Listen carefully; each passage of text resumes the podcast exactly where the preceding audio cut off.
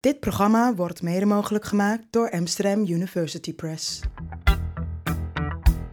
Vanuit Amsterdam is dit Onder Media Doctoren, de podcast waarin communicatiewetenschappers zich verwonderen over de media.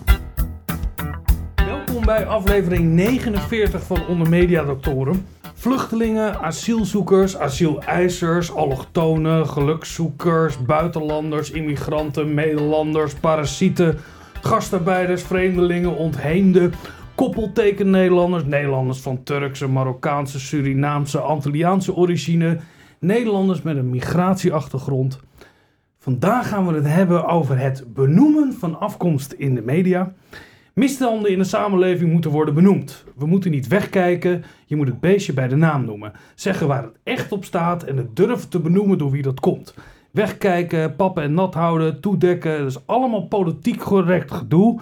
En als we het probleem onder ogen durven te zien, dan pas kunnen we het oplossen. Vandaag gaan we het hebben over waarom Aldo niet nuttig is om afkomst te noemen, om etniciteit te benoemen. Linda, Amsterdammer met een migratieachtergrond, uit Zeist meen ik aan. Ehm, de multiculturele samenleving is uh, al heel vaak als mislukt verklaard. En een van de redenen die vaak wordt genoemd is dat het voor het integratieprobleem eigenlijk het nooit echt goed benoemd is waar de problemen liggen.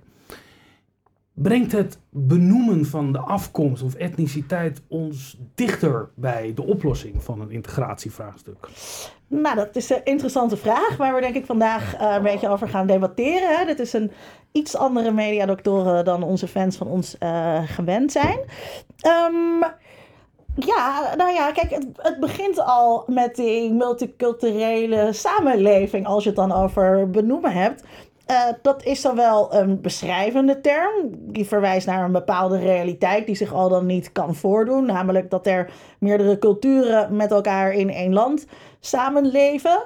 Uh, of je kan zeggen dat het een normatief ideaal is. En dan gaat het om uh, uh, termen waar je het net over had. Hè? nat houden, thee drinken wordt daar vaak mee geassocieerd. En dan gaat het over nieuwkomers in een land de ruimte laten om binnen hun eigen cultuur deel te nemen aan een samenleving. Dus dat betekent dat je bijvoorbeeld eigen taal kan behouden, dat je eigen religie kan behouden, eigen gebruiken kan behouden. Met in extremis misschien ook wel gebruiken die strijdig zijn met onze rechtsstaat. Uh, dat wordt dan vaak genoemd als het over de uitwassen van het multiculturalisme gaat. Dan gaat het over kindhuwelijken uh, die uh, zouden toegestaan worden door de P van de A. Veel van de discussie die erover is gegaan is dat het dan niet benoemd wordt. Waar kunnen we eigenlijk plaatsen waarin die discussie begon over het moet benoemd worden? Ik heb het idee dat dat zo ergens uh, met de opkomst van Pim Fortuyn, of misschien wel daarvoor eigenlijk, er een tendens kwam van we moeten het beestje bij de naam noemen. We moeten eens een keer duidelijk maken wat er aan de hand is. Inmiddels dus al bijna 16, 17 jaar zijn we daar mee bezig. Zeker 18 jaar kan je wel uh, zeggen. In 1999 uh, schreef Paul Scheffer het beroemde essay uh, Het multiculturele drama in NRC. daar kwamen allerlei reacties op. en Paul Scheffer die bediende zich van dat toog, hè, van die manier van woorden bij elkaar plakken. Het multiculturele, het is een drama wat er aan de hand is. Dat is onbenoemd gebleven en dat leidt tot nog meer problemen. En vervolgens was het inderdaad Pim Fortuyn. Die dat heel erg aan de man heeft weten te brengen. Waarbij het interessant is, het is natuurlijk als wetenschapper een interessante empirische vraag, zoals we dat noemen klopt het dat die problemen inderdaad niet benoemd werden? En over wat voor problemen gaat het dan? Uh, eentje daarvan is bijvoorbeeld uh, hoge criminaliteitscijfers onder Marokkaans-Nederlandse jongeren en Turks-Nederlandse jongeren. En waar ik zeg jongeren bedoel ik eigenlijk jongens. Um, uh, dat, die cijfers die waren er al. die zijn ook benoemd. In de jaren 80 ging dat vooral over jongeren van Antilliaanse en Surinaamse afkomst. Daar werd ontzettend veel over gesproken, over nagedacht. Het woord allochtone is een beleidscategorie van origine in het leven geroepen om precies dit te doen. Om bepaalde groepen in beleid te kunnen signaliseren, signaleren en daar vervolgens mee aan de slag te gaan. Dus daar ook beleid specifiek op te ontwikkelen. Hoe kunnen we eigenlijk die categorieën, zoals je dat noemt, tot elkaar verhouden? Want gaat het dan over moslims? Gaat het over mensen van een buiten, buitenlanders? Gaat het over... Hoe moeten we die categorieën begrijpen? Nou ja, het is heel interessant als je het hebt dus over benoemen. Want benoemen wekt de associatie dat je precies gaat zijn. Dat je duidelijk ergens over gaat zijn in plaats van uh, het, het, in het vage houden. Terwijl als je dan ziet dat die termen steeds veranderen, dan zie je ook wat voor conceptuele vaagheid daarachter zit. Uh, vroeger ging het over gastarbeiders. Dat heeft een hele andere uh, associatie dan het woord allochtonen. Hoewel er min of meer wel dezelfde groep uh, mee wordt bedoeld, maar het roept een ander beeld op. Gastarbeiders zijn mensen die hier gast zijn om te werken. dat werkt niet lekker als je dan zegt dat ze allemaal werkloos uh, zijn. Wilders, uh, dat is wel duidelijk geanalyseerd, hoe Wilders steeds zijn groepen anders benoemt. eerst had hij het over allochtonen, vervolgens kwamen de buitenlanders. Toen werden het moslims en inmiddels zijn het heel duidelijk Marokkanen. Waarbij die groepen dus steeds een beetje veranderen. En dat is ook logisch, want de verschillen tussen die groepen zijn natuurlijk heel erg groot. Turken en Marokkanen zijn weliswaar vaak moslim, maar doen dat op een andere manier, spreken een andere taal, hebben een andere cultuur die daarachter zit. omdat iedereen denkt te weten wat we eronder verstaan, omdat er juist een vaagheid in zit, kunnen dus al die termen makkelijk over elkaar heen gelegd worden. En kan je het dus steeds hebben over asielzoekers en vluchtelingen. Hè, wat inmiddels voor uh, zelfs Philip Remarque, hoofdredacteur van de Volkskrant, toch wel min of meer hetzelfde uh, betekent. Uh, dat, dat is allemaal niet zo. Maar we zijn gewend aan die vaagheid, terwijl we eigenlijk allemaal wel weten waar we het over hebben. En dat is altijd een hele negatieve groep die we, waar we op de een of andere manier last van hebben. En waar dus ook een oplossing bij moet Kijk, als een woord allochtoon eigenlijk besmet raakt, dat heeft natuurlijk alles te maken omdat allochtonen het, het zo slecht doen en crimineler zijn. En daarom krijgt de term eigenlijk zo'n zo'n zo'n zo'n bijlading. Dus ja, hè, daar kunnen wij niks aan doen. Dat zijn natuurlijk de allochtonen zelf. Dat, dat kan Even je voor de duidelijkheid, het is een ironische opmerking. En ik wil hier ook een, een, een bruggetje maken naar een item dat gemaakt door Iris uh, Verhulstok en Tom Almoes die de vraag hebben gesteld van, nou ja, als jij dan volgens de Centraal Bureau voor de Statistiek een allochtoon bent, hoe is dat eigenlijk? In Nederland hebben we nogal wat woorden om aan te geven dat iemand niet van hier is. In november 2016 werd één daarvan, allochtoon, in de band gedaan door de Wetenschappelijke Raad voor het Regeringsbeleid en het Centraal Bureau voor de Statistiek. Ook verschillende kranten willen af van de term. Officieel betekent de term iedereen die één of meerdere ouders heeft die niet in Nederland geboren zijn. In de praktijk wordt allochtoon eigenlijk niet gebruikt voor Nederlands met bijvoorbeeld een Duitse, Amerikaanse of Vlaamse ouder. De mededoctoren vroegen aan een paar mensen die volgens de officiële definitie allochtoon zijn, of zij zichzelf ook zo zien. Mijn naam is Karim Ben Hamda, 24 jaar oud, geboren en getogen in Amsterdam. Ik reken mijzelf als allochtoon, uh, aangezien uh, mijn vader in Marokko is geboren en mijn moeder in Ierland. Zo heb ik me altijd wel geïdentificeerd. Het, is niet per se, het was niet per se een keuze voor mij, maar wel iets van, nou, dit ben jij en daar kan je niet zo heel veel aan doen. Niet dat er iets mis mee was of dat ik dat erg vond. Of ja, het is wel iets waar je dan wel de hele tijd uh, door herinnerd wordt. In ieder geval wat ik dan een beetje in mijn situatie uh, wel uniek vind, is dat ik me dan wel heel erg uh, kan identificeren met allochtonen als het gaat over hoe zij dan worden geportretteerd in de media. En altijd als ik dan het woord allochtoon zie, dan voel ik me daar wel door aangesproken. Maar als ik bijvoorbeeld over straat loop of zo, dan heb ik daar. Dan ben ik daar eigenlijk nooit mee geconfronteerd. Omdat ik misschien door mijn Ierse roots ik er niet per se duidelijk Marokkaans uitzie. Dus ik, ik krijg bijvoorbeeld nooit hele nare blikken uh, toegeworpen. Of ik, um, uh, of ik word nooit ergens geweigerd of niet binnengelaten. Uh, hallo, ik ben Jasmine Keizer, 24 jaar oud. Mijn moeder is Canadees en mijn vader is Nederlands. Um, ik woon in Amsterdam. Ik zie mezelf niet echt als allochtoon. Um, nou, mijn moeder is dus Canadees, maar oorspronkelijk zijn mijn opa en oma vanuit Nederland naar Canada geïmmigreerd. Dus als je echt een beetje die lijn trace, dan, dan ben ik eigenlijk gewoon heel erg Nederlands.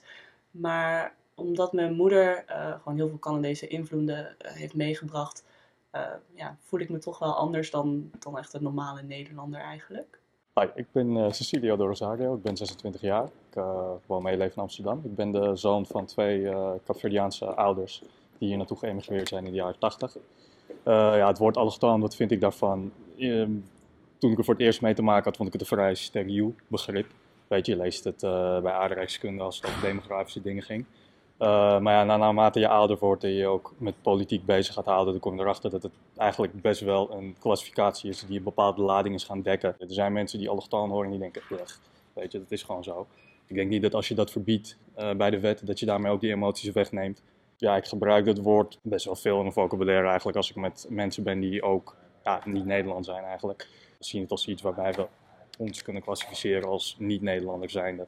Want het is wel zo, je groeit hier op, maar je groeit ook op met een thuisfront waarin je te maken hebt met je eigen cultuur, je eigen taal en eigen geschiedenis.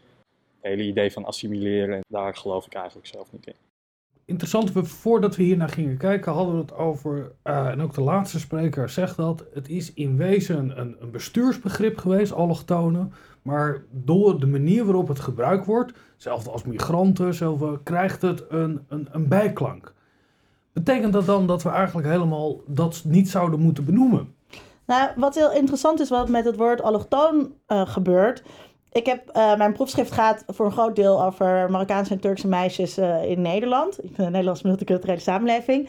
En ik heb hen daarnaar gevraagd. Ik heb met hen gepraat over hun etniciteit en over hun identiteit.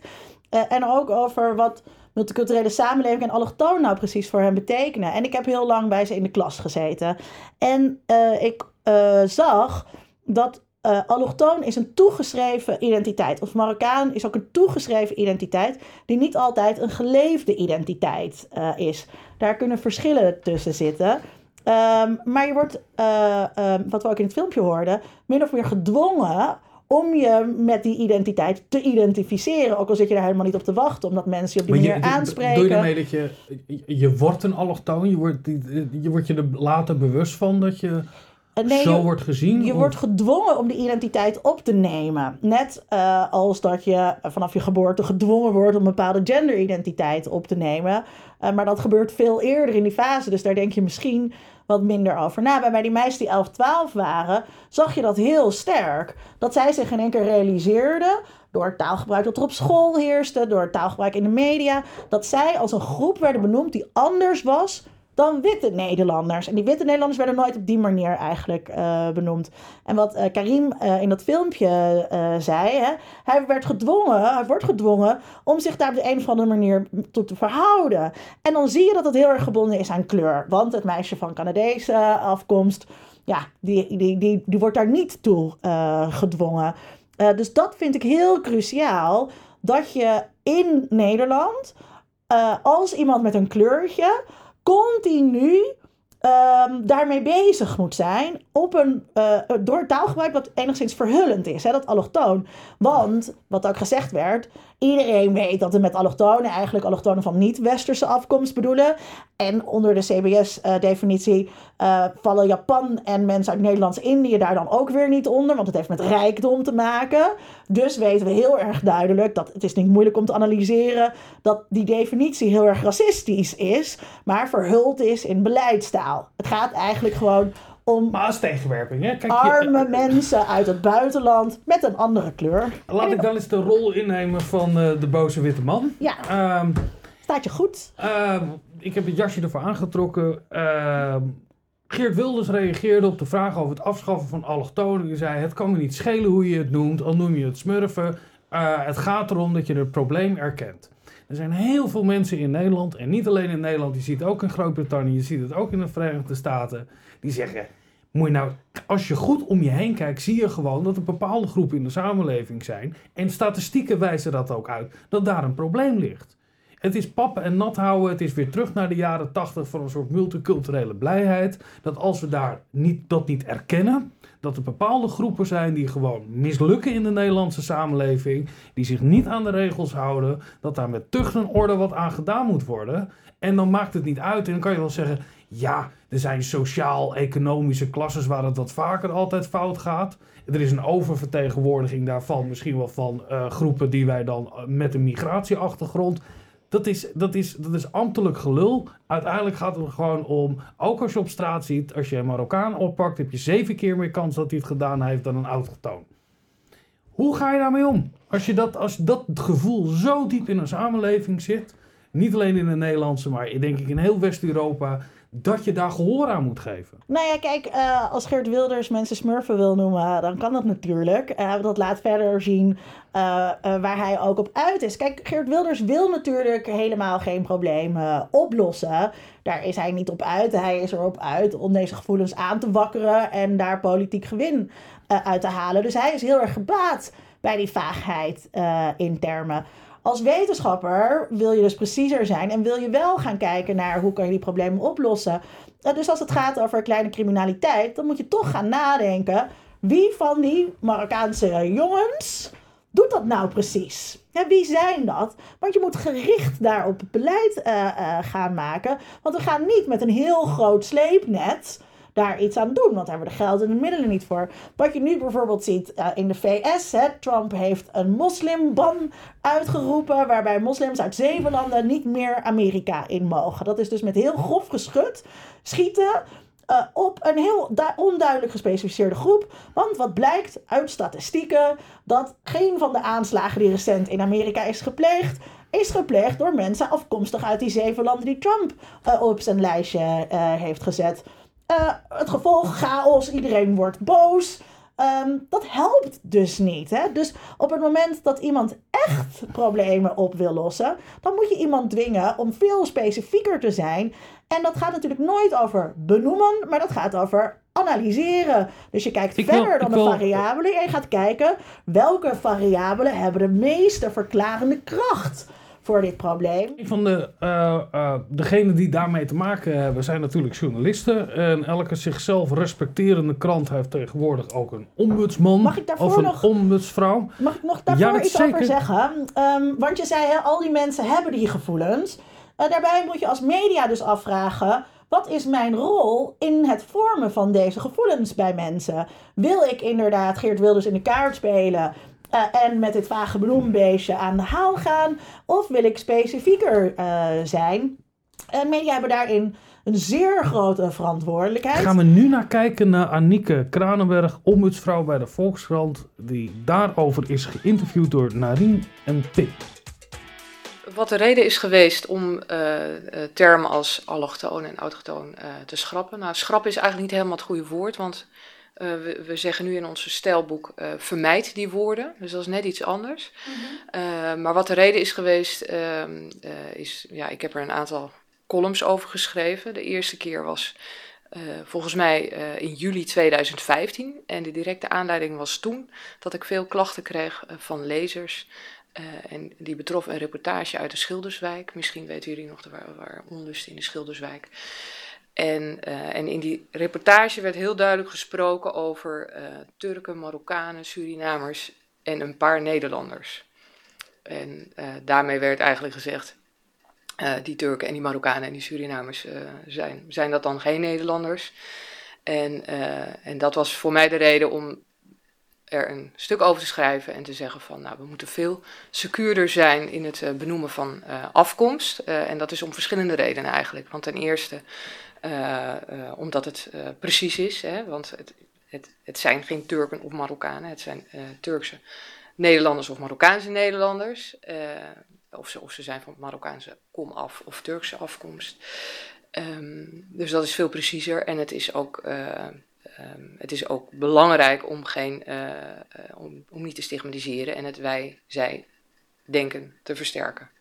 En hetzelfde geldt eigenlijk voor eh allochtoon en autochtoon, maar in meerdere mate voor allochtoon. Dat is echt een, een heel vaag containerbegrip, want wie bedoel je daar nou eigenlijk eh, precies mee?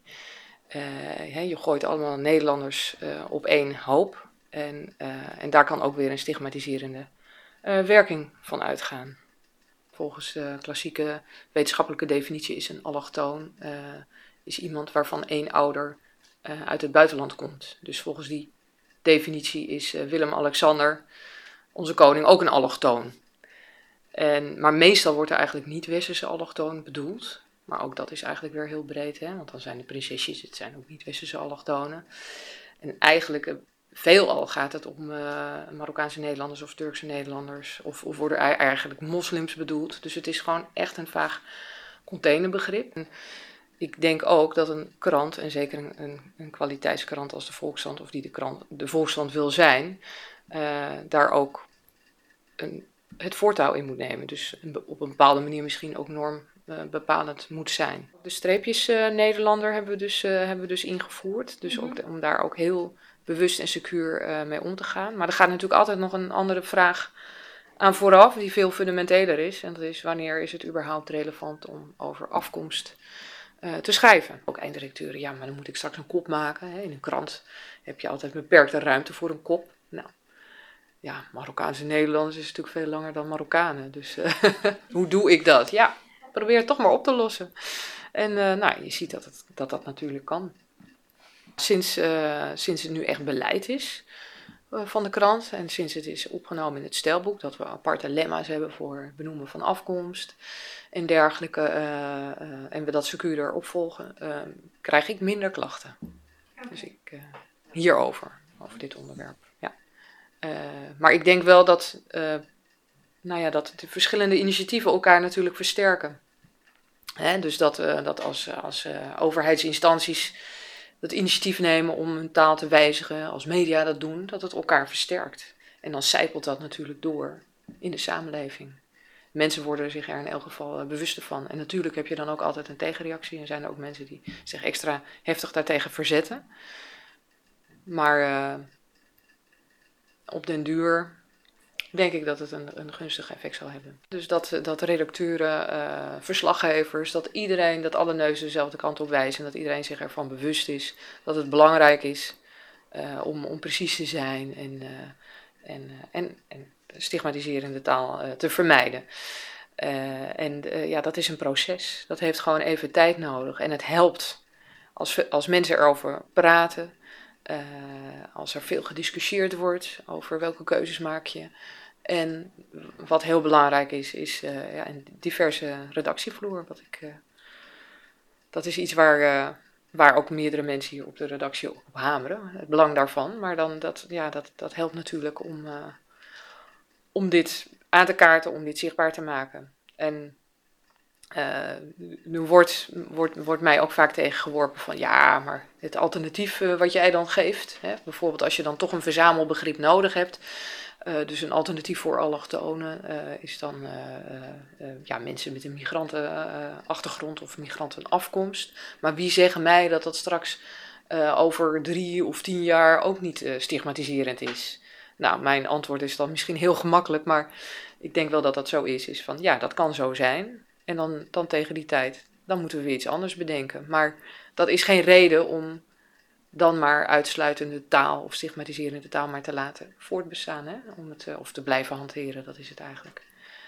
Dus uh, taal verandert voortdurend. Je ziet echt, we moeten daar niet te benauwd over zijn. Linda. Ja, uh, het is heel fijn dat Kranenberg er is. Hij heeft een belangrijke rol gespeeld in, in de discussie die er nu gevoerd wordt. Die discussie wordt wel vaker gevoerd. Um, wat, er zijn een aantal dingen die ik interessant vind eh, bij haar. Wat belangrijk is om te zeggen, het is geen wetenschappelijke definitie. Het is een definitie van het CBS die bedoeld is om statistisch te categoriseren. En uh, wat zij zegt, taal uh, is belangrijk en taal is vormend. Dus die categorie is een eigen leven gaan leiden. dat is iets anders dan een wetenschappelijke definitie. Um, het is dus een categorisering waarbij je je af moet vragen waarom we die gebruiken en hoeveel recht die doet. Als het bijvoorbeeld gaat over mensen met een migratieachtergrond, dat is een hele onzinnige term voor de derde generatie die hier is. Die hebben geen migratieachtergrond. Waar ik achter kwam in het onderzoek met mijn meisjes, is dat het migratieverhaal van hun ouders bij hen nauwelijks een rol speelt. Het zijn ook geen dingen waar veel over gepraat wordt, hoe dat nou precies was, hoe dat toen ging. Dat is geen onderdeel van hun identiteit. Dat label moet je ze dan dus ook niet opplakken, maar je moet de vraag stellen: waarom willen wij in hemelsnaam derde generatie Marokkanen aanduiden? Je kunt het hebben over de Marokkaanse gemeenschap in Nederland, als daar zich uh, wat afspeelt en sommige mensen voelen dat ze daar onderdeel van zijn. En andere mensen, die we nu misschien Marokkaanse Nederlanders zouden noemen, zijn geen onderdeel van die gemeenschap. En dan alleen als het ergens over gaat wat zin heeft.